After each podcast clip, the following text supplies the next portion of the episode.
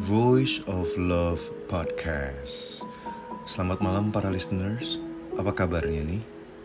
Semoga kalian baik-baik aja ya. Senang rasanya gue Rezi bisa balik lagi hadir di acara curhat malam by Voice of Love Podcast. Gue bakalan nemenin listeners yang mungkin sekarang lagi ngerasain yang namanya ketakutan. Apalagi ketakutan ini bukan karena hantu ya, tapi ketakutan berlebihan sama lingkungan kalian. Dengan teman-teman kalian, circle kalian, mungkin sama orang-orang yang belum pernah kalian kenal. Apalagi kalau kalian tuh ngerasa takut sampai kalian tuh ngerasa, aduh nanti gue dianggap buruk nih. Nanti gue dianggap remeh nih sama mereka sampai-sampai kalian bisa dibilang saking introvertnya kalian nggak diterima ngerasa nggak diterima sama circle pertemanan kalian so di curhat malam kali ini gue bakal ngebahas tentang gangguan kecemasan atau biasa disebut social anxiety disorder SAD atau biasa kita sebut SAD oke okay? jadi bahasa Inggrisnya itu SAD artinya adalah sedih tapi singkatannya adalah social anxiety disorder ya menurut psikologis buat kalian yang mungkin sedang ngerasa cemas kalau nggak diterima sama pertemanan sama circle sama lingkungan kalian dan ngerasa nggak nyaman karena efeknya sangat-sangat besar untuk kehidupan kalian sehari-hari oke okay? Malam ini kita akan coba bahas secara detailnya apa aja sih yang nyebabin, terus gimana sih kok bisa Terus gimana cara nanganinnya? Kita akan coba kupas tuntas ya di sini untuk kalian para listener setia dari Voice of Love Podcast. Apalagi bagi kali para, para listeners yang udah dengerin semua episode-episode gue sebelumnya tentang cinta dan ini ada related juga sama cinta yaitu cinta dengan diri sendiri. Oke? Okay? nah, pada penasaran kan apa aja yang akan gue bahas malam ini? So, jangan ke mana-mana, tetap stay tune di Voice of Love Podcast. Sebelum kita masuk ke pembahasan, sebuah lagu untuk nemenin malam kalian yang sendu ini dari gue, yaitu Yura Yunita dengan Tenang.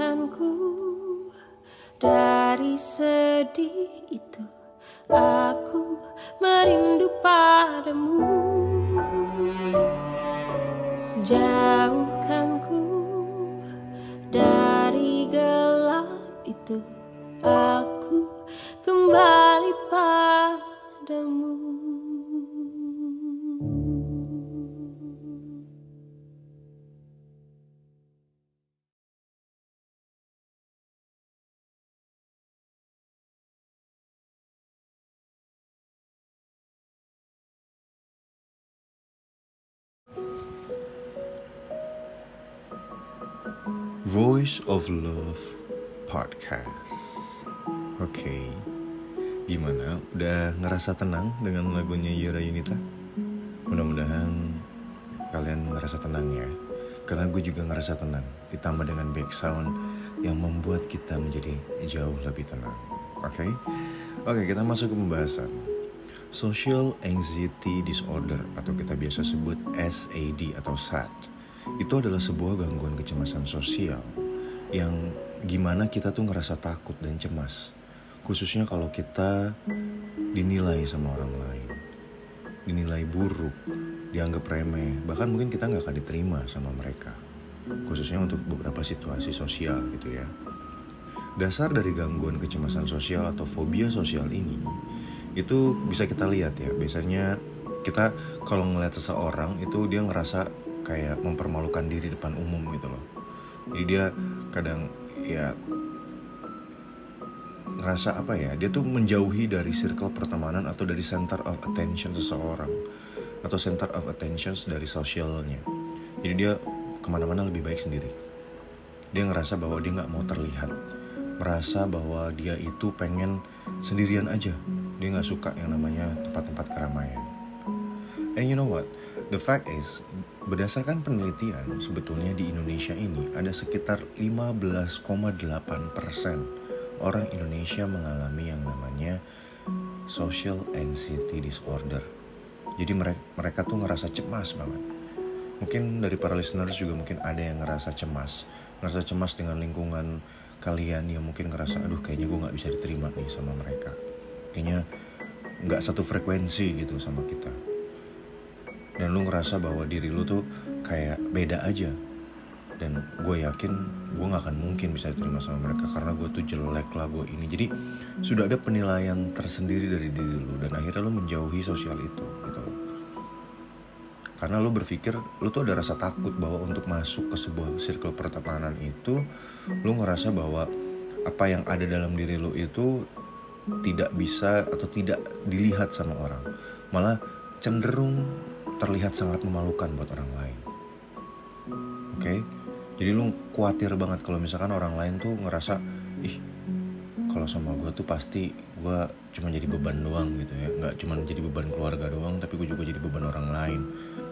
Biasanya nih kalau misalkan lu lagi SMA atau sekolah gitu ya atau kuliah terus lu ada kayak group discussion gitu lu kayaknya anak-anak yang paling pendiam gak banyak ngomong atau mungkin lu yang justru dipekerjakan gitu loh karena lu yang paling pintar. Mostly sih biasanya orang-orang kayak gini nih mereka tuh karena fokus dengan sebuah hal biasanya mereka pinter sih. Mereka senang baca. Mereka asik dengan kehidupan pribadinya mereka. Dan mereka ada rasa ketakutan sama sosial-sosial yang mereka lebih baik mereka fokus dengan diri mereka. Biasanya lo ya. Gue nggak bilang bahwa orang pintar itu SID belum tentu oke? okay?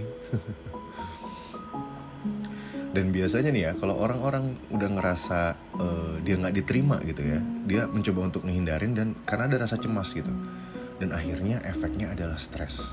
And you know what? Stres itu bisa membuat berbagai macam eh, hal-hal uh, yang terjadi di luar nalar kita. Bahkan banyak orang bunuh diri karena stres. Ya kan? Orang bisa kena penyakit komplikasi pun karena stres. Jadi kembali lagi ke pikiran kita kan gitu ya dan biasanya orang-orang yang mengalami jenis gangguan kecemasan yang satu ini, dia akan menunjukkan beberapa gejala fisik tertentu. Ya kayak misalnya lu tuh kayak susah tidur ya kan, lu banyak pikiran, tapi pikirannya tuh bukan pikiran yang lu pikirin tentang hal-hal umum atau lu pikirin mungkin tentang pasangan lu atau enggak, bukan. Lu mikirnya adalah kayak apa ya, lu kayak ngerasa bahwa diri lu tuh insecure aja dengan di berbagai macam situasi. Ketemu sama orang lu takut, terus lu takut dijudge duluan. Lu kayak ngerasa ada yang kurang aja di hidup lu. Lu kayak ngerasa kurang dari fisik lu dari semua deh. Lu ngerasa kayak banyak banget kekurangan gue gitu. Jadi efeknya adalah ya terlalu cemas itu. Makanya kan terlalu cemas itu dibilangnya adalah social anxiety disorder. Itu penyakit mental yang jatuhnya adalah lu terlalu cemas dengan diri lu. Padahal belum tentu itu terjadi atau belum tentu orang lain ngeliat seperti itu gitu kan. Nah kita akan ngebahas sebab itu kenapa sih apa sih gejala-gejala umum gitu ya. Dan biasanya orang-orang kalau misalnya kena SAD ini biasanya mereka itu cenderung uh, apa takut nggak cuma takut ketemu sama orang aja. Bahkan mereka bisa dibilang sangat-sangat tertutup introvertnya tuh over banget. Even ke keluarga lo ke orang tua lo khususnya. Jadi kalau orang tua nanya gimana tadi kamu di sekolah? Gimana tadi kamu di kerjaan? Atau gimana tadi kamu di kuliah? Dan lu nggak berani untuk jawab biasa aja gitu. Padahal ada something happen gitu ya. Dan lu coba untuk nutupin itu.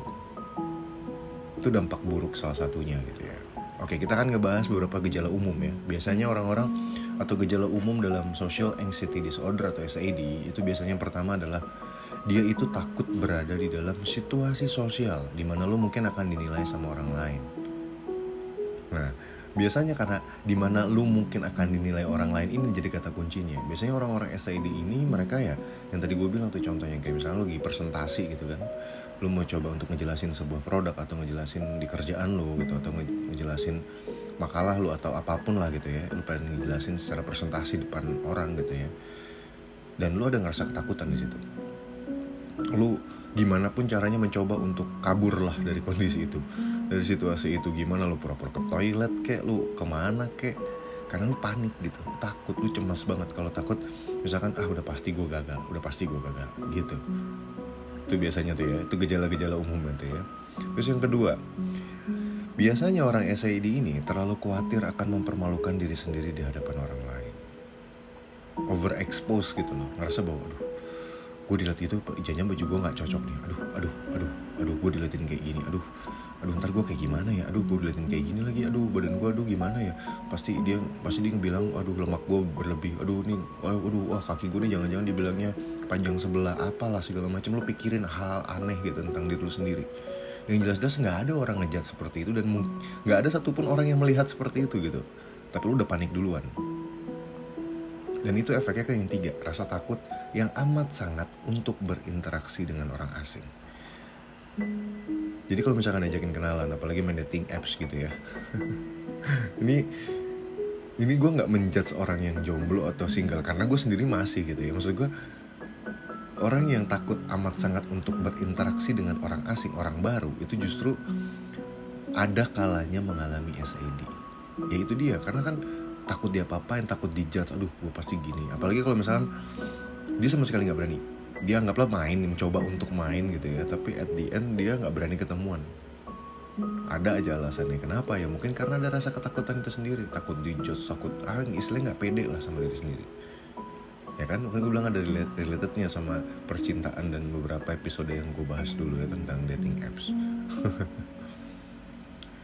Terus yang keempat, ini ada efeknya juga. Tadi kan gue udah bilang, ketika lu khawatir mempermalukan diri sendiri dan lu takutan dan keempat ini adalah rasa takut orang lain akan menyadari bahwa lu tuh ngerasa cemas.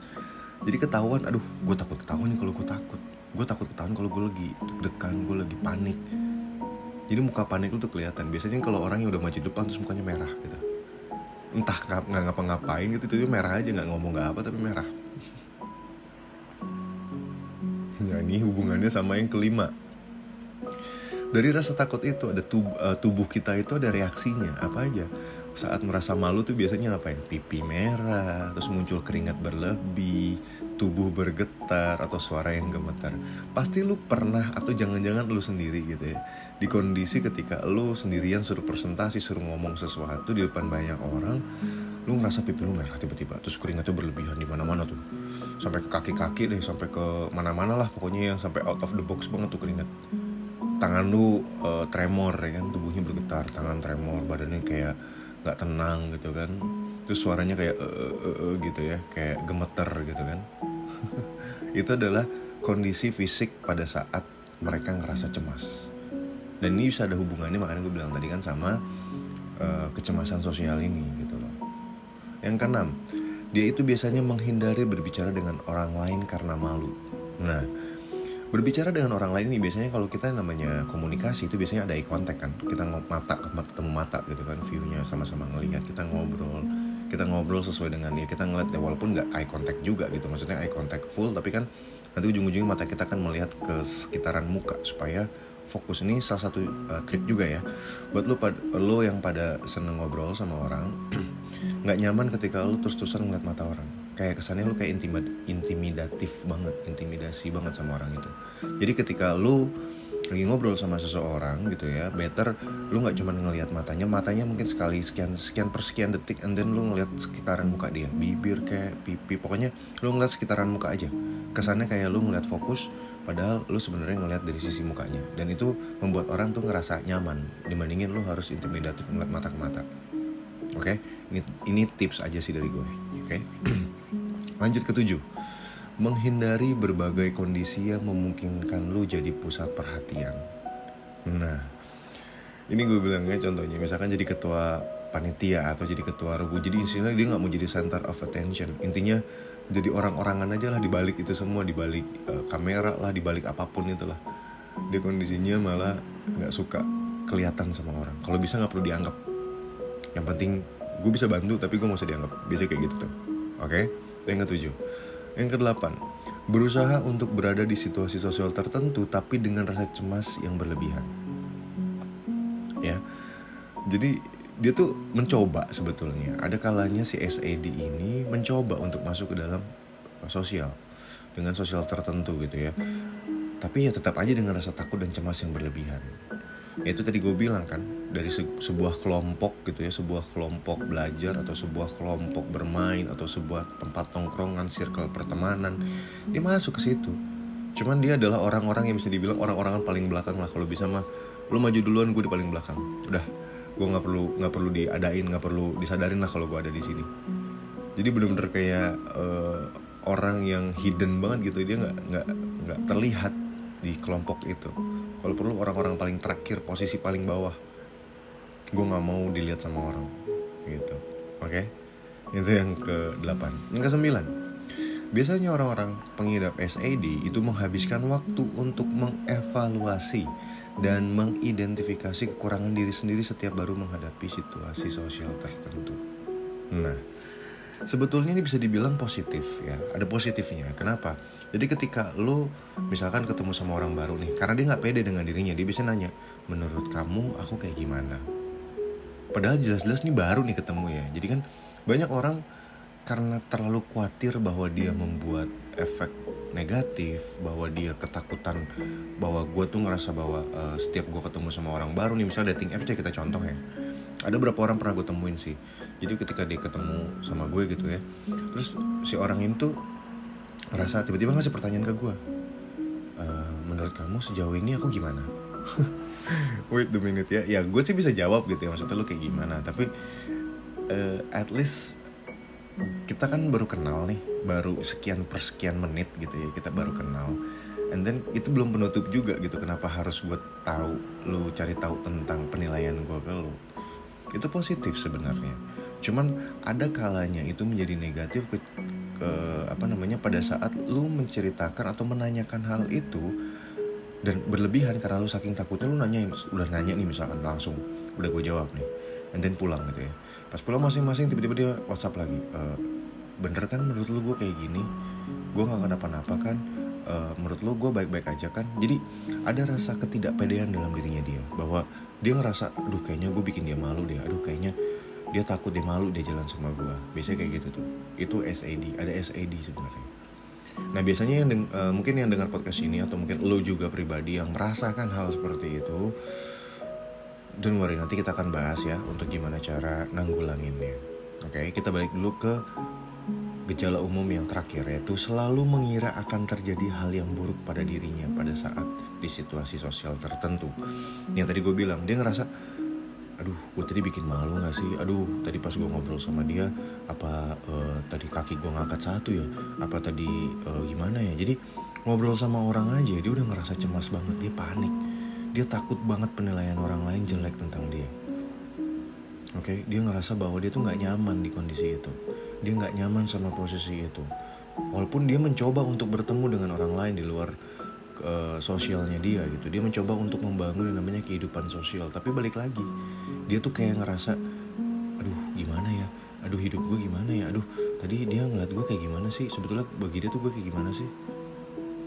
Sih gue yakin entah lu pernah ketemu orang seperti itu atau malah lu sendiri yang merasakan seperti itu but in fact walaupun itu terjadi sama diri lu sendiri atau pernah sama orang-orang terdekat lu tenang aja ini adalah sebuah penyakit mental health yang sebetulnya masih bisa disembuhkan.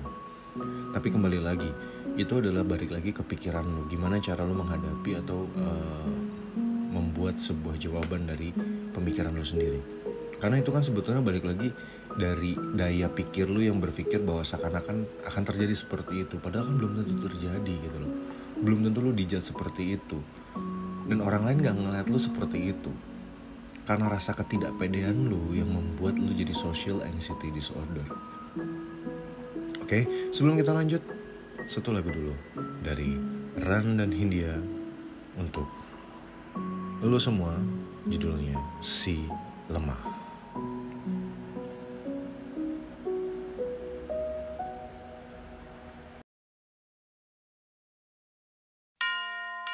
Kau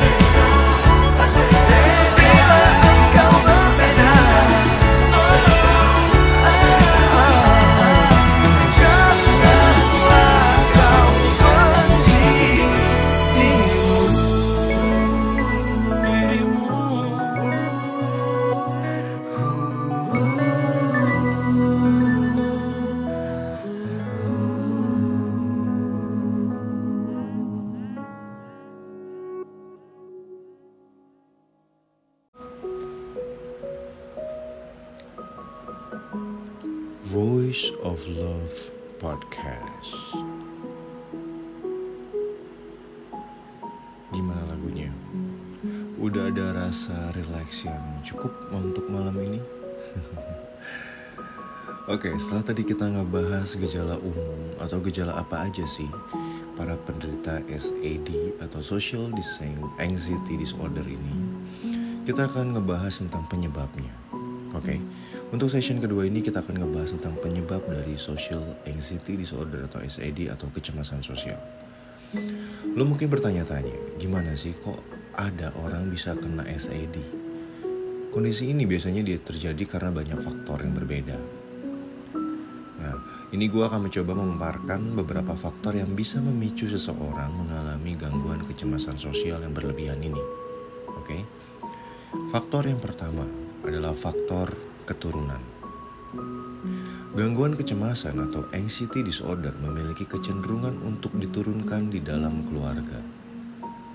Oleh sebab itu, jika ada anggota keluarga yang mengalami kondisi ini, lu memiliki potensi untuk ngalamin juga. Kenapa? Ya karena memang bisa dibilang penyakit yang bisa dibilang penyakit mental ini ya, SAD Social Dis- Anxiety Disorder ini bisa berpengaruh juga dengan kehidupan lu. Nanti kan gue udah bahas secara detail ya, cuman kalau ini lebih fokusnya adalah dia ada faktor keturunan. Dan berdasarkan faktor keturunan misalnya ada bokap nyokap lo atau kakek nenek lo yang mungkin punya pengalaman atau bahkan dia terkena yang namanya social anxiety disorder atau ngerasa cemas gitu ya. Misalnya orang tuanya pendiam ya anaknya juga pasti bisa pendiam. Tapi ada juga yang kebalikannya, orang tuanya pendiam, anaknya wah rajin ngomong, heboh gitu ya, meriah gitu orang. Bisa aja.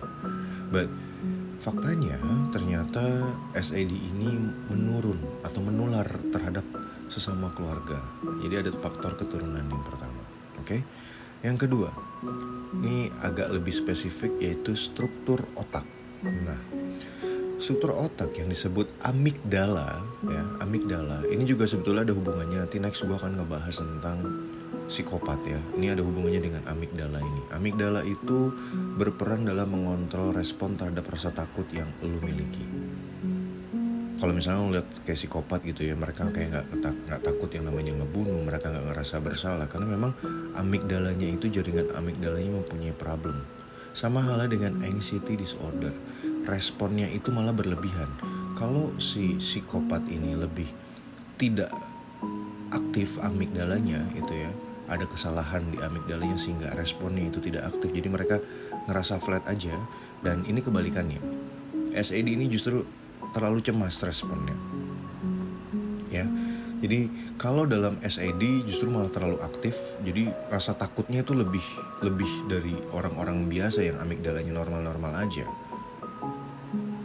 Beda halnya dengan psikopat yang justru malah flat karena amigdalanya tidak aktif.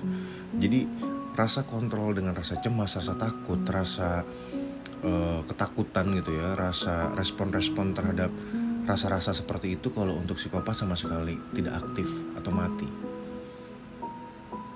Nah, justru ini kebalikannya. Jadi bagi para pengidap SAD justru ini amigdala ini sangat aktif, malah overaktif. Jadi efeknya lu jadi berlebihan banget rasa takutnya. Itu ada hubungannya dengan struktur otak. Yang ketiga, lingkungan. Nah, lingkungan juga ternyata mempengaruhi seseorang bisa terkena SAD. Ya karena ada pengalaman yang tidak menyenangkan atau memalukan sebelumnya. Contoh misalnya waktu lu kecil, lu lagi disuruh nyanyi di depan gitu ya, terus lu diketawain sama satu kelas. Secara psikologis itu membuat rasa atau respon dari amigdala lu itu terlalu aktif, jadi lu takut. Lu ngerasa cemas dan lu seakan-akan kalau misalkan ada di posisi yang sama, lu akan ngerasa, wah gue juga pasti bakal ketawain sama satu kelas, gue bakal dihina sama satu kelas. Jadi faktor lingkungan khususnya pada saat lu aktif, eh, pada saat lu masih kecil itu ada efeknya, ya.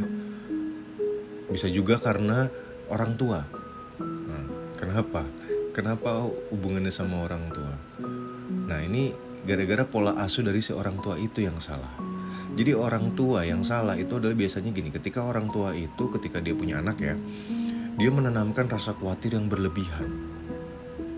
Jadi overprotective sama anak. Contoh, kamu hati-hati itu ada ini, pokoknya kamu nggak boleh ini bener-bener dijaga banget anak itu sampai kan lo tahu ya sebuah iklan dia bilang berani kotor itu baiknya sebetulnya itu fungsi yang bagus ya ketika dia bilang berani kotor itu baik jadi ketika anak itu ya dia mengalami sendiri bahkan beberapa waktu yang lalu ada seseorang artis gitu ya yang membesarkan anaknya sampai viral gitu ya membesarkan anaknya dengan cara anaknya nangis jatuh gitu ya nangis dibiarin aja. Ada beberapa kontroversi dari sisi itu ya. Banyak orang bilang bahwa itu jahat banget sama anaknya itu tegaan sama anaknya nanti anaknya jadi ketakutan dan segala macam. Tapi ada satu kubu lagi yang membela biarin aja anak itu belajar dengan cara dia sendiri. Ketika dia ngerasakan bahwa itu sakit dia harus sadar kalau itu sakit. Jadi dia tidak akan mengulangi kesalahan yang sama. Nah ini kontroversi. Nggak gue nggak mau jawab di sini ya. Tapi kalau gue secara eh, apa namanya secara general gue akan mengatakan bahwa ketika lu terlalu overprotective sama anak lu, over ya, bahkan anak lu nggak boleh kenapa-napa, nggak boleh celaka, nggak boleh merasakan yang namanya eh, rasa sakit, rasa rasa malu dan rasa sebagai macamnya ketika dia hidup. Dan suatu saat nanti ketika dia besar bisa ada kemungkinan dia terkena SAD atau social anxiety disorder. Karena tidak terbiasa dengan hal seperti itu. Oke, dan ini mengakibatkan namanya komplikasi sosial. Kalau misalnya kondisi ini dibiarin terus ya, misalnya ada seseorang yang mengidap uh, social anxiety disorder dan dibiarin aja gitu, dia ngerasa bahwa nanti nanti juga akan sembuh sendiri, bahkan sampai mengganggu kehidupan sehari-hari lo gitu ya, mengganggu kehidupan orang-orang pengidapnya ini jadi keganggu gitu, jadi ngerasa bener-bener terkucilkan banget orang ini, jadi kerasa kayak sebatang kara padahal banyak orang-orang sekeliling dia yang sayang sama dia sampai aktivitas-aktivitas lu tuh nggak bisa lo lakuin gara-gara ketakutan ini. Nah ini efeknya bahaya banget sebetulnya. Lu nggak bisa nikmatin hidup kan, oke? Okay? Dan komplikasinya itu ada efek ke yang lain. Apa aja yang pertama? Nggak percaya diri atau nggak pede. Kebayang gak sih lu? Lu gara-gara uh, masa lalu lu yang mungkin lu dihina atau karena faktor-faktor yang lu pola asuh lu yang terlalu overprotective akhirnya lu nggak pede yang tadinya mungkin sebetulnya lu ganteng, lu cantik, lu secara fisik ya semua orang sama gitu ya. Mungkin punya kelebihan, punya kelemahan gitu ya. Tapi sebetulnya lu adalah sebuah fisik yang kompleks yang bisa dibilang fisik lu itu sempurna. Tapi lu ngerasa nggak pede. Gara-gara ya kejadian ini, karena gara lu mengidap SID ini. Jadi lu bisa nggak pede cuma gara-gara SID. Ya itu tadi gue bilang kan karena takut. Lu takut dianggap jadi center of attention gitu. Yang kedua, lu nggak bisa tegas dalam berbagai situasi. Biasanya orang-orang kayak gini tuh susah ngambil keputusan. Jadi dia galau, aduh gimana ya, aduh gimana ya. Kalau ditanya sebuah keputusan itu jadi, aduh gimana ya, aduh, aduh gue mesti ngapain ya. ya bisa dibilang nih orang jauh banget ya dari ketua kelas tuh biasanya susah banget jadi ketua kelas oh paling nggak mau dia paling seneng dia paling seneng mengumpet ketika ada pemilihan ketua kelas atau apa pun itu pasti ngumpet dia nggak mau dianggap aja anak bawang kalau kata orang zaman dulu tuh yang ketiga sering mengkritik diri sendiri. Hmm, ngeliat di kaca terus ngeritik diri sendiri. Biasanya ya kalau orang yang punya pemikiran positif itu kebalikannya. Ketika di depan kaca gitu ya dengan fisiknya dia sendiri dia bilang wah lu mampu kok. Lu bisa. Itu positif. Tapi yang ini malah kebalikannya. Aduh gue jelek banget ya. Rambut gue kok gini banget ya Ingat ya, semua yang mengatakan bahwa ada yang namanya over itu nggak ada yang baik. Mau itu over PD, terus kebalikannya nih bisa dibilang eh, over cemas gitu ya, over khawatir, over, eh, pokoknya semua yang over itu nggak ada yang benar. Jadi bisa dibilang lu kritik diri sendiri kalau di sini, tapi ada juga yang over PD. Dia wah ngerasa, wah fisik gue ganteng banget, gue adalah orang terganteng di dunia, gue adalah orang tercantik di dunia gue pantas jadi dapetin apa pun yang gue mau. Biasanya kayak gitu tuh over pede. Oke? Jadi biasanya orang-orang yang SID ini sering banget kritik dirinya dia. Kok gini ya gue ya? Kok muka gue gini ya? Kenapa sih hidung gue gini? Kenapa ya rambut gue kayak gini? Kenapa nggak mata gue di atas jidat? Kenapa nggak jidat gue di bawah kaki? Jadi aneh-aneh lah saking banyak kritiknya dia. Oke? Yang keempat terlalu sensitif terhadap kritik apa pun yang diberikan orang lain Nah, terlalu sensitif ini efeknya adalah dia bener-bener ngerasa dia nggak diomongin, tapi ngerasa kayak diomongin gitu. Wah, jangan-jangan tuh orang ngomongin gue lagi. Padahal jelas nggak ngomongin lu. Dia ngomongin orang lain gitu ya, teman-teman lu ngomongin orang lain, tapi lu ngerasa, wah ini pasti gue nih. Aduh, ngerasa ngerasa kayak aduh, ini pasti gue. Jadi setiap ada orang yang ngomong tuh ngerasa bahwa lu yang diomongin padahal ya kan lu nggak dianggap gitu lu pengen nggak dianggap tapi lu ngerasa bahwa lu diomongin gimana sih bingung kan nah itu dia yang kelima, tidak memiliki kemampuan bersosial itu udah pasti ya. Karena saking cemasnya itu, jadi dia susah untuk ngomong sama orang. Bahkan cenderung terbata-bata gitu kalau ngomong sama orang. Eh, eh, iya, iya, oke gitu. Ya kan? Jadi kemampuan bersosialnya sangat rendah. Yang keenam, sering menyendiri dan tidak bisa membangun hubungan yang baik dengan orang lain. Biasanya orang berpikir bahwa ini orang introvert gitu ya. Introvert itu bukan berarti tidak bisa membangun sosial. Tapi ini over introvert. Dia sering menyendiri aja gitu di pojokan. Orang pada main bola, dia jaga, dia mending jaga gawang. Dia mah jaga UKS meren. Ya kan? Orang lagi pada nongkrong-nongkrong di mall, orang pada nonton, dia mah nunggu di luar, weh. Gitu. Sering menyendiri, jadi bener-bener kayak nggak punya hubungan sama siapa pun gitu. Nah, efek ke-8 adalah tidak memiliki pencapaian apa pun. Tidak memiliki pencapaian apa pun. Nih, ya karena ketidakpedeannya dia, terus karena kecemasannya dia untuk bergaul sama orang. Jadi hidup dia begitu aja, flat aja. Efeknya dia nggak bisa pencapaian, nggak bisa dapetin apa pun yang dia pengen. Dia nggak bisa ke, ke posisi apa pun yang dia cita-citain gitu. Karena dia nggak berani ngomong sama orang. Ini komplikasinya, hati-hati ya. Nah, ada efeknya juga. Yang kesembilan, penggunaan obat-obatan terlarang atau minum alkohol secara berlebihan. Oke, ini adalah efek yang sebetulnya banyak, banyak banget yang terjadi orang-orang mabok pakai narkoba itu karena mereka ngerasa nggak pede. Mereka takut dengan omongan orang. Mereka benar-benar ngerasa bahwa orang lain tuh kayak memusuhi mereka. Mereka bahwa kayak mereka tuh beban untuk lingkungan sosialnya. Akhirnya mereka jatuh ke hal-hal seperti ini. Jadi ngerasa dengan alkohol dan obat-obatan terlarang itu mereka jadi lebih pede. Ini efek komplikasinya yang benar-benar sangat berat untuk dirinya dia. Dan yang terakhir ke 10 ini adalah efek paling ekstrim yaitu adalah percobaan bunuh diri. Karena mereka ngerasa cemas dengan diri mereka. Mereka insecure sama diri mereka. Mereka ngerasa nggak pede. Mereka ngerasa bahwa semua orang itu musuhin mereka. Mereka nggak punya siapa-siapa di dunia ini. Ini akibatnya karena mereka terlalu takut untuk menjalin komunikasi dengan orang lain. Mereka takut untuk menceritakan masalah mereka sama orang lain. Mereka memendam semua masalah mereka di dalam diri mereka sendiri. Yang efeknya adalah ya sampai sebanyak ini. Komplikasi-komplikasi yang terjadi dalam kehidupan mereka yang awalnya mungkin karena pola asuh, karena pengalaman dari lingkungannya, karena dibully, atau mungkin karena memang dari segi struktur otak si amigdalanya ini bermasalah. Jadi sebenarnya ini banyak banget faktornya. Semua itu harus diuji. Jadi ketika misalkan teman-teman kalian atau lo juga mungkin pribadi yang terkena kondisi seperti ini, ada baiknya lo coba cek ke dokter lu cek ada apa ada mungkin ada kesalahan di sini lu bisa ketemu sama psikiater yang profesional yang bisa ngebantu lu untuk eh, sembuh dari SAD atau Social Anxiety Disorder. Oke, sebelum kita lanjut ke pengobatan-pengobatan yang nanti akan gue saranin dari beberapa sumber yang gue baca, kita dengerin dulu sebuah lagu sesuai dengan eh, topik malam ini dari Kunto Aji, Rehat.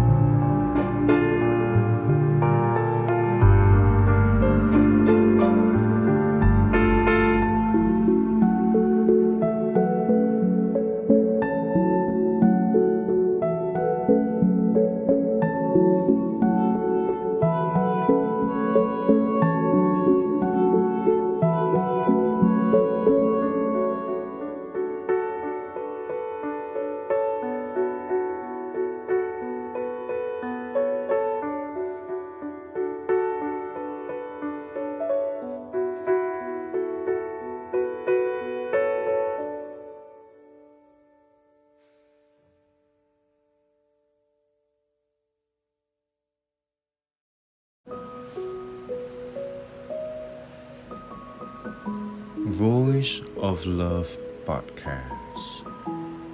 Gimana? Udah rehat sesuai dengan lagunya Kunto Aji? Oke, kita akan lanjutin.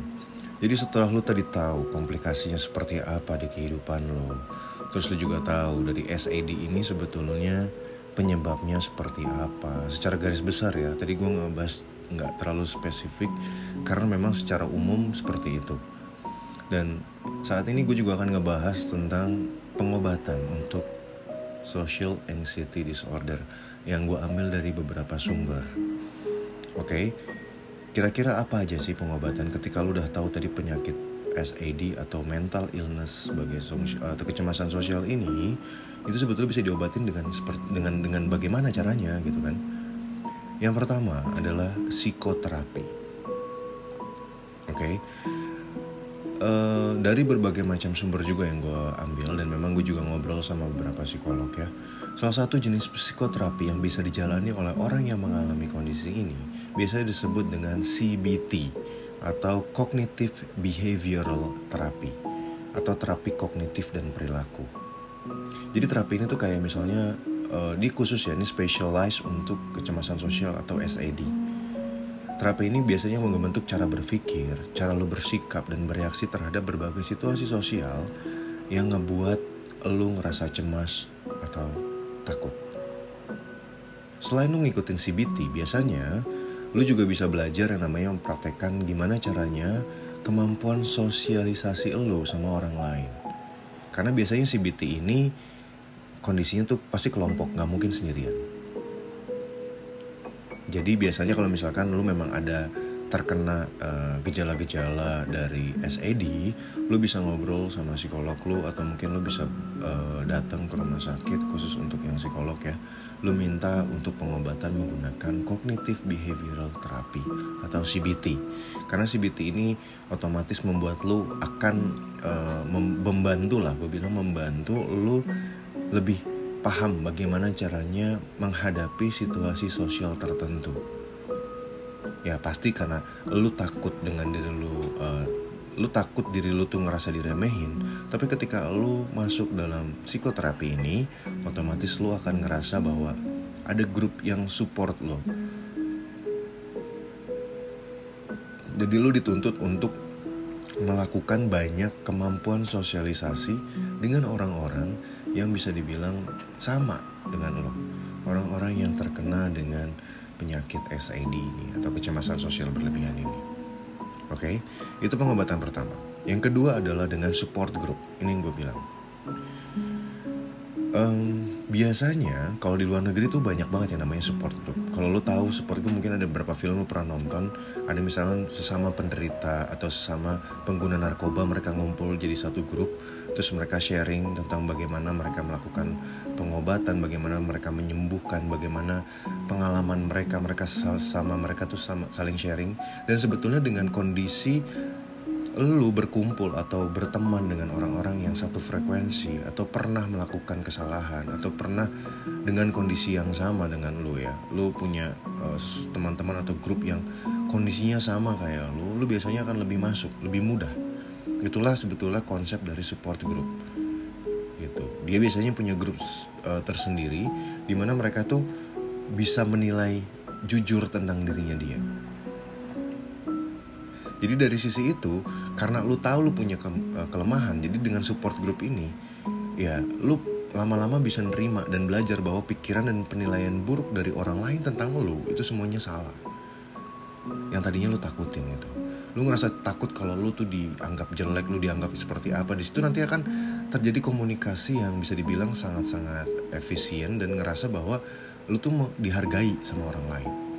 Dengan support group ini justru ada kalanya lo ngerasa bahwa justru orang-orang di sekeliling lu inilah yang bisa support lo. Kan gue pernah ngebahas ya, jadi ketika lo bergabung dengan orang-orang positif, lo akan jadi orang yang positif. Tapi ketika lo bergabung dengan orang-orang yang negatif, lo akan ikut negatif. Sama halnya ketika lo gabung sama yang namanya tukang parfum, lo pasti kecium bau parfum tapi ketika lu gabung sama tukang sampah sorry ya bukan gua ngejudge ya tapi maksudnya lu ngobrol uh, lu gabung lu temenan sama tukang sampah gitu ya lu gabung sama circle mereka otomatis lu juga akan ikut bawa sampah it's not bad Tapi istilahnya ini adalah analogi yang sederhana. Lu berteman dengan siapa itu adalah lu. Lu bisa ikut seperti mereka. Oke? Di sini lu juga bisa belajar sendiri ya, belajar gimana caranya lu bisa eh, eh, apa namanya compile dengan orang-orang yang sebetulnya bisa positif di antara teman-teman lo, yang tahu kondisi lu, orang-orang yang lu percaya, yang tahu kondisi lu dan mensupport lu untuk sembuh, mensupport lu untuk tidak takut dengan orang lain. Gue yakin di luar sana ketika lu merasakan yang namanya rasa lemah, lu ngerasa bahwa lu dijudge sama orang lain, tapi ketika lu mendapatkan teman atau orang yang sefrekuensi sama lu, gue yakin lu pasti akan menjadi lebih positif lagi. Lu ngerasa bahwa diri lu itu tidak sendirian. Itu halnya kenapa tadi gue saranin support group atau lu ikut psikoterapi. Karena lu gak mungkin sendirian. Lu gak mungkin sendirian. Oke, itu yang kedua. Dan yang ketiga atau yang terakhir, yaitu dengan menggunakan obat-obatan. Di sini gue gak akan mention obat-obatannya ya, karena ini balik lagi ketika lu masuk ke sebuah psikolog, eh, lu ketemu sama psikolog gitu ya, dia akan meresepkan atau lu masuk rumah sakit, lo kan dia akan meresepkan berbagai macam obat-obat yang memang cocok sama lu. Gue nggak mungkin mention di sini karena beda-beda. Termasuk ada juga ketika lu antidepresan, ketika lu ngerasa depresi dengan kondisi lu. Tapi gue gua harap sih lu nggak merasakan depresi dengan apa pun yang lu yang lu jalanin saat ini ketika lu punya SID. Lu nggak pede sama diri lu sendiri, tapi bukan berarti itu jadi hal yang justru bikin lu makin down. Oke, lu nggak sendirian. Banyak orang luar sana yang sama kayak lu dan gue yakin lu bisa bangkit. Tapi bukan berarti lu harus nemuin orang-orang yang sama seperti itu. Lu harus memikirkan diri lu juga. Lu harus bangkit karena yang bisa nyembuhin diri lu siapa lagi kalau bukan diri lu sendiri bener kan? Itu yang selalu gue mention.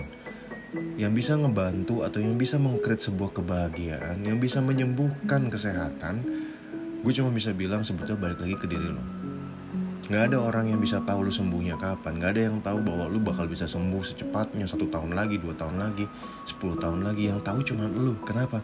Karena semuanya yang bisa nyembuhin diri lu sendiri ya lu sendiri mindset lo tentang tentang diri lo sendiri. Oke.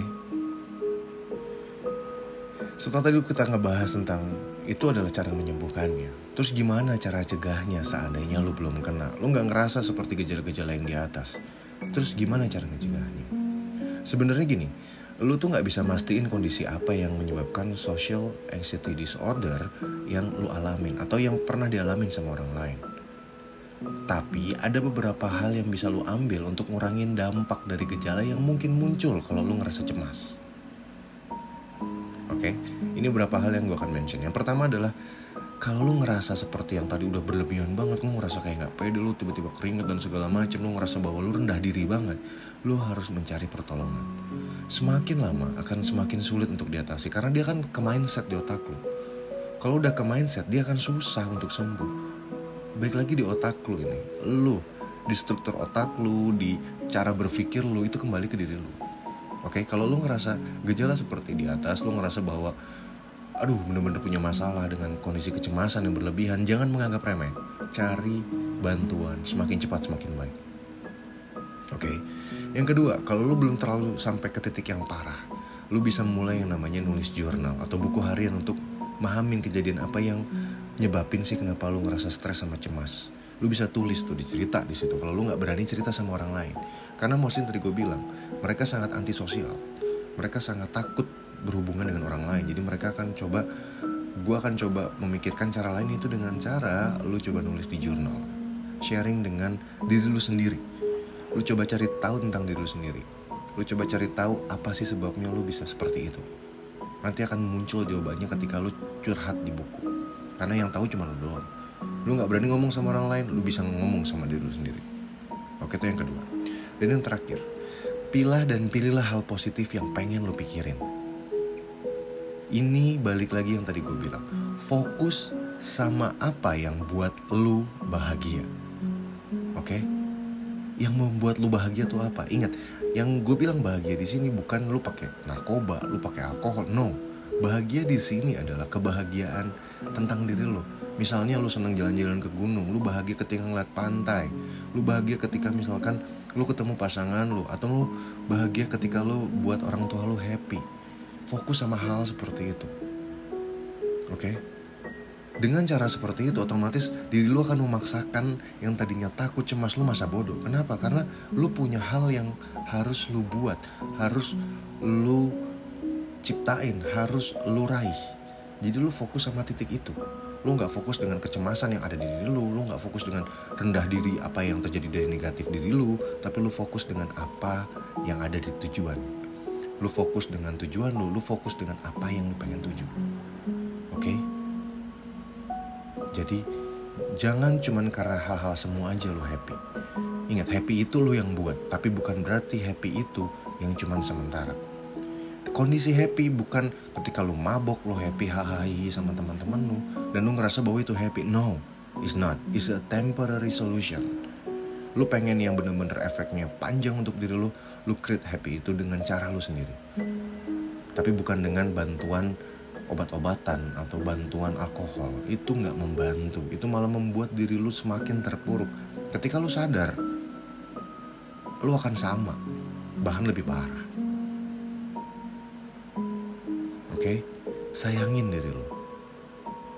Karena kalau bukan diri lu sendiri yang sayang sama diri lu siapa lagi? Oke? Sama kayak lagu selanjutnya tulus diri.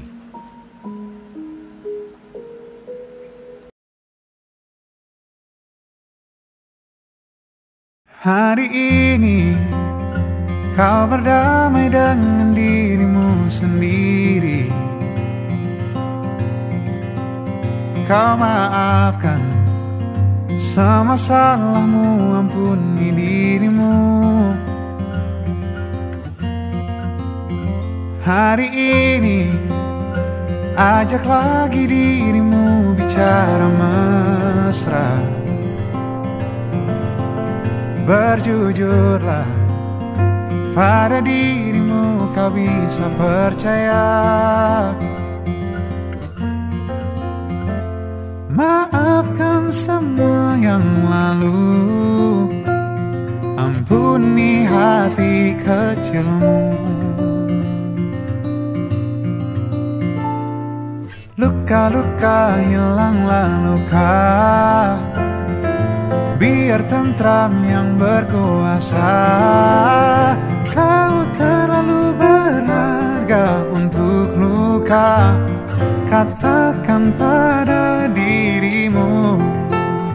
Semua baik-baik saja. Bisikanlah Terima kasih pada diri sendiri. Hebat dia Terus menjagamu dan sayangimu.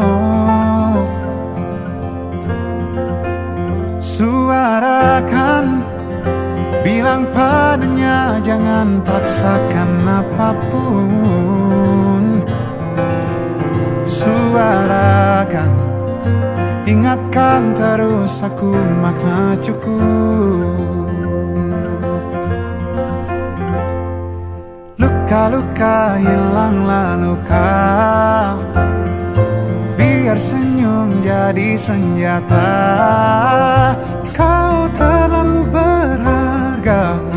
luka Katakan pada dirimu Semua baik-baik saja